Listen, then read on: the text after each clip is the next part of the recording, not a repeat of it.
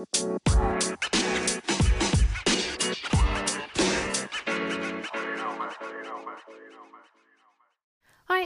mijn naam is Janneke en welkom bij mijn Positief met Pubers podcast. De podcast waarin ik elke week vragen van ouders beantwoord over het opvoeden van pubers. Iets wat ik geweldig vind en waar ik gewoon heel blij van word. Ik denk graag met je mee, geef je concrete suggesties die je direct kan toepassen in jouw situatie. Mijn doel met deze podcast is jou te inspireren en te triggeren om anders te gaan kijken naar je puber, anders te gaan praten tegen je puber en anders om te gaan met puberproblemen. Heb je zelf een keer een vraag of een suggestie? Ze zijn altijd welkom. Je kan me vinden op Instagram op Janneke underscore, je pubercoach, of stuur mij een mailtje via info.conductien.nl. Nou, gaan gauw naar de podcast, aflevering van vandaag. Veel luisterplezier. Lieve groet. Goedemorgen, middag, avond. In ieder geval. Hallo, leuk dat je weer kijkt. De eh, kijkt wil ik zeggen, luistert naar een nieuwe aflevering van de Positieve Plus podcast. De podcast waarin ik je twee keer per week inmiddels uh, uh, meeneem in mijn wereld als pubercoach. Ik weet niet eens hoe mijn intro gaat. Zo lang heb ik hem al niet geluisterd. Nee, maar ik ben super dankbaar dat je elke keer weer afstemt om naar mij te luisteren. En ja, ergens vind ik dat wel heel, heel bijzonder. Want ja, het enige wat ik doe is een beetje lullen tegen mijn telefoon. Over uh, de dingen die ik meemaak, over de vragen die ik krijg. En nou ja, daar luisteren uh, zoveel ouders nadat ik nu al bijna op de 50.000 downloads zit. Dat ik denk van, wow, hoe dan? Wat, wat maakt dan? Ja, en als je dan terugkrijgt waarom jullie naar mijn podcast luisteren, dan denk ik, oh, hmm, ik zit hier met handjes tegen elkaar van dankjewel. Weet je wel.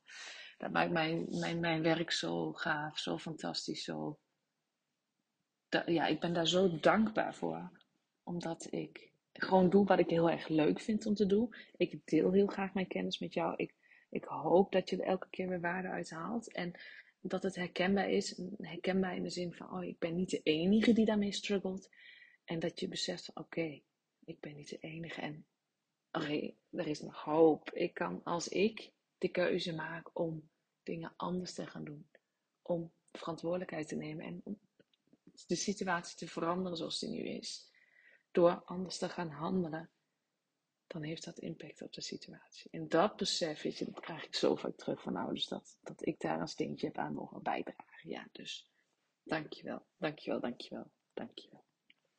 Goed, genoeg uh, in mijn eigen reet gestopt. Even concreet. Deze week zijn nog steeds uh, de webinars. Ik geef vanavond weer een webinar, dus donderdag. Ik geef volgende week donderdag nog een webinar. En die donderdag erop bij nog aanmeldingen. Want zes keer hetzelfde webinar geven, dat is ook altijd maar even een ding wat van ouders soms denken van, oh, oké, nu heb ik het wel genoeg gezien. Maar ik geef hem nog drie keer. Ik heb hem nu hoe vaak heb ik hem nu gegeven? Vijf keer? Nee, ook drie keer. Ik heb hem drie keer gegeven. Vanavond is de vierde keer. Want ik geef hem totaal zes keer. Dus ik ben op de helft. En ik merk elke keer is die weer.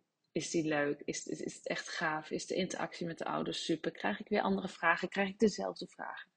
En dat maakt ook het geven van de masterclasses weer super leuk. Nou goed, vandaag ook een vraag die ik onder andere ook kreeg in het uh, webinar, maar die ik ook via DM op Instagram, uh, Instagram uh, kreeg. Een vraag van twee moeders waren het, twee onafhankelijke moeders die het niet van elkaar wisten, maar dat, in essentie was de vraag hetzelfde. En ik zal de, het verhaal van de moeder die, die mijn berichtje stuurde via Instagram, die zal ik even met je delen. Nou ja, in ieder geval de kern met je delen. En daarna zal ik mijn visie erover geven. Want ik heb daar wel een mening om. En ik heb daar ook wel nou een soort van ervaring. Nou, daar kom je dan zo wel achter. Oké. Ik kreeg een, een, een, berichtje van een moeder. Ze zegt, lieve Janneke, ik zit met een nou ja, probleem tussen haakjes, zegt ze. Ik heb uh, twee superleuke dochters, allebei puber, 1 13, 1 15. Mm, en op zich kunnen ze wel goed met elkaar, maar ik merk nu de laatste tijd dat ze steeds vaker botsen en steeds vaker ruzie met elkaar hebben. En het is niet ruzie in de zin van slaan en schappen, maar echt, ja, echt dat, dat meidenvenijn. ik moest zo lachen toen ik dat hoorde. en uh, hoe, hoe kan ik deze relatie tussen deze zussen, hoe kan ik dat het beste begeleiden? Stond, stond dan met iets andere woorden, maar dat is eigenlijk de kern. Nou, die vraag kwam ook tijdens het webinar, tijdens de masterclass, sorry, uh, naar voren. En, en, en hetgeen wat ik nu toen gezegd heb, wil ik uh, proberen nu ook met je te delen. Nou ja, goed, ik, uh, ik heb twee broers. Een oudere broer die twee jaar ouder is en een broertje die vier jaar jonger is. En nou ja, bij ons was het vroeger niet altijd alleen maar liefde en, en leuk en gezellig. Nee, ik, ik had best wel, met name met mijn oudere broer, best wel veel strijd. En, en ik pakte zijn kleding, omdat hij, nou ja, we kregen altijd kleedgeld en ik had een gat in mijn hand. hij niet. Dus hij kocht de, de, de, de 501, was dat toen. Levi's broeken en ik kon hem niet betalen. Dus ik pikte altijd zijn broeken, want we hadden toen de periode dezelfde maat. En hij pikte zijn hoodies. En nou ja, dat. En daar was mijn broer het natuurlijk niet mee eens. Want elke keer als hij dan die broek aan wilde trekken, uh, zat hij in de was of was zijn model een beetje veranderd. Natuurlijk een postuur dan mijn broer. Daar hadden we regelmatig ruzies over. Daarnaast hadden we ook regelmatig discussies aan tafel. Want mijn broer had lange benen. En wij zaten, ik zat dan in de hoek van 90 graden bij mijn broer aan tafel. Dus dat, dat ging lang niet altijd goed. Vaak ruzie met waar ik mijn benen moest houden, waar hij zijn benen moest houden. En nou van die kleine dingen. Ook het, het, we hadden toen nog een, een, een, computer in de woonkamer staan. Een ruzie over wie wanneer op de computer mocht. Nou, je kon de gekste dingen bedenken. Of, of het kabal in de, in de slaapkamer, wie de muziek het hardst kon zetten. Nou ja, je kunt je wel een beetje een voorstelling maken. En wat mijn moeder altijd deed, en waar ik nu achteraf van zeg, oh, dat is eigenlijk best wel heel interessant waarom ze dat heeft gedaan. Ik heb er eigenlijk nooit gevraagd waarom ze deed wat ze deed. Ze liet het altijd maar. Ze ging uit de situatie. En dat, je zou kunnen denken, god, dat is wel heel makkelijk van gedacht. Maar ze liet ons het zelf gewoon oplossen. En als het uh, echt dreigde te escaleren, greep ze in, werden we, na, uh, werden we uit elkaar gehaald. En nou, ik koos er dan meestal voor om weg te gaan, om even naar het vriendinnen te gaan. En mijn broer koos er dan meestal voor om op zijn kamer te gaan sporten. Die, die, die koos een andere manier. En allebei was oké. Maar dat, ik moet eerlijk zeggen dat dat niet zo heel vaak gebeurde. Maar wat ik hier vooral even wil uithalen, is dat ik het eigenlijk wel heel interessant vond wat mijn ouders deden. Die lieten ons wel een beetje. Die, hielden, weet je, die, die, die observeerden wel en die zorgden wel dat het respectvol bleef, dat er niet gescholden werd en dat. Nee, slaan schoppen uiteraard. Maar die lieten het altijd gaan, tenminste, zover ik mij kan herinneren. En dat is natuurlijk super interessant, want ruzie maken en discussies voeren met elkaar, dat heeft een functie. Het is natuurlijk super irritant als je dat als ouder meemaakt. Maar de andere kant is, ik, ook door het maken van ruzie, leert je puber, uh, naast dat het uh, de confrontatie durven aangaan met de ander, leert je puber ook beargumenteren. Leert je puber ook grenzen aangeven. Leert je puber ook te luisteren en nou ja, te reageren. En er zitten eigenlijk, als je het heel sec bekijkt, een heleboel vaardigheden die getraind worden bij het voeren van een discussie. Wat een ruzie eigenlijk is, een discussie, een opgeleide discussie. Dus super interessant om dat eens voor jezelf te bekijken en te onderzoeken, ook bij je pubers. Lost natuurlijk niet jouw, jouw, misschien jouw frustratie of jouw irritatie op. Maar is natuurlijk wel iets om te overwegen. Om dan zelf te denken, nou weet je, ik ga het van een afstandje bekijken. Ik, ik, ik, ik kijk alleen. Of, uh, of je grijpt in als het, uh, als het echt, echt escaleert. De andere kant is ook, uh, misschien en, van wat maakt dan dat het, dat het je irriteert, of dat je dat per, se wil begeleiden, of dat je dat. Dat is ook wel onderzoeken waard. Dus bij jezelf nagaan. Oké, maar wat maakt nu dat ik zo reageer in deze situatie? Wat maakt nu dat ik, dat ik dit gedrag van mijn pubers irritant vind? Of wat maakt dat, dat, dat ik daar zo mee bezig ben. Dat ik vind dat ik dat zo per se zo en zo moet begeleiden. Ook interessant om even te bekijken. Ik weet niet of dat al gebeurd is, maar kijk ook bij jezelf waarom jij in die situatie handelt zoals die handelt. En heel praktisch, wanneer het echt een discussie is. Ja, nou, je kunt er inderdaad voor kiezen dus om te laten gaan. Uh, je kunt de plek aan tafel kun je, um, veranderen. Dus dat, dat ze niet meer met elkaar gevecht zijn bij de benen. Of elkaar niet meer in de ogen aankijken, dus zo tegenover elkaar, maar dat ze bijvoorbeeld naast elkaar moeten zitten of dat kruislinks. Dat, dat, weet je, je kunt een positie aan tafel. Daar zijn ook allerlei, uh, als je het echt wetenschappelijk wil weten, allerlei studies over gedaan. En de, de, de, de plek waar je aan tafel zit, zegt dan weer iets. Nou, Anyhow, er zijn een aantal dingen die je uh, bij jezelf kunt onderzoeken. Er zijn een aantal dingen die je praktisch zou kunnen doen.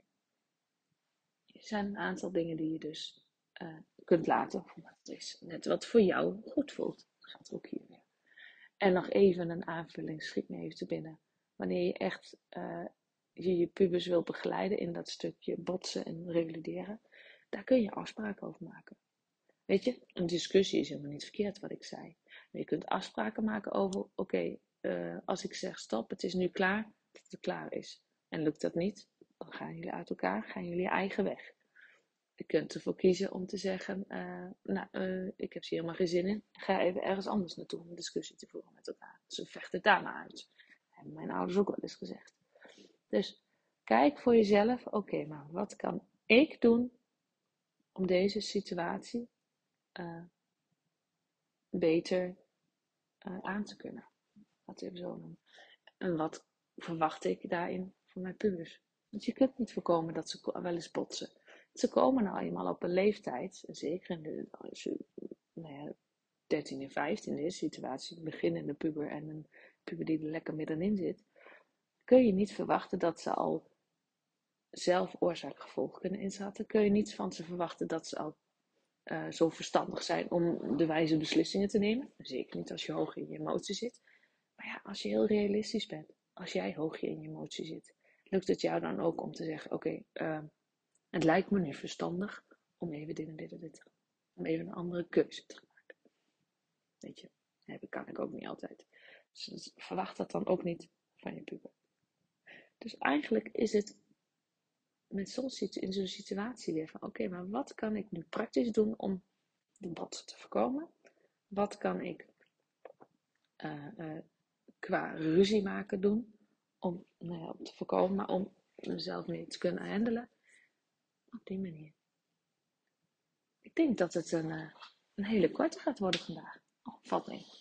Dus ik hoop, mocht je twee pubers hebben die nogal regelmatig met elkaar in strijd zijn, ik hoop dat je hier wat mee kan. Wil je me dat laten weten? En wanneer je zegt van, oh, dit is, oh ja, dit is echt zo waardevol, dit moeten meer mensen weten. Deel dan deze aflevering. Maak een screenshot en deel hem op je social media kanaal en tag mij dan. Ik ben heel benieuwd namelijk wat dit weer met je heeft gedaan en wat voor inzicht het je heeft gegeven. Zou je dat willen doen? Dankjewel. Ik zal weer de aanmeldlink voor de webinars in mijn show notes zetten. Mocht je nog niet hebben aangemeld, doe dat vooral. Want ik krijg terug dat het zeer waardevol is en confronterend, maar zeker heel praktisch. Dus uh, Schroomlied en Melja. Dankjewel voor het luisteren. En ik wens je nog een hele fijne dag.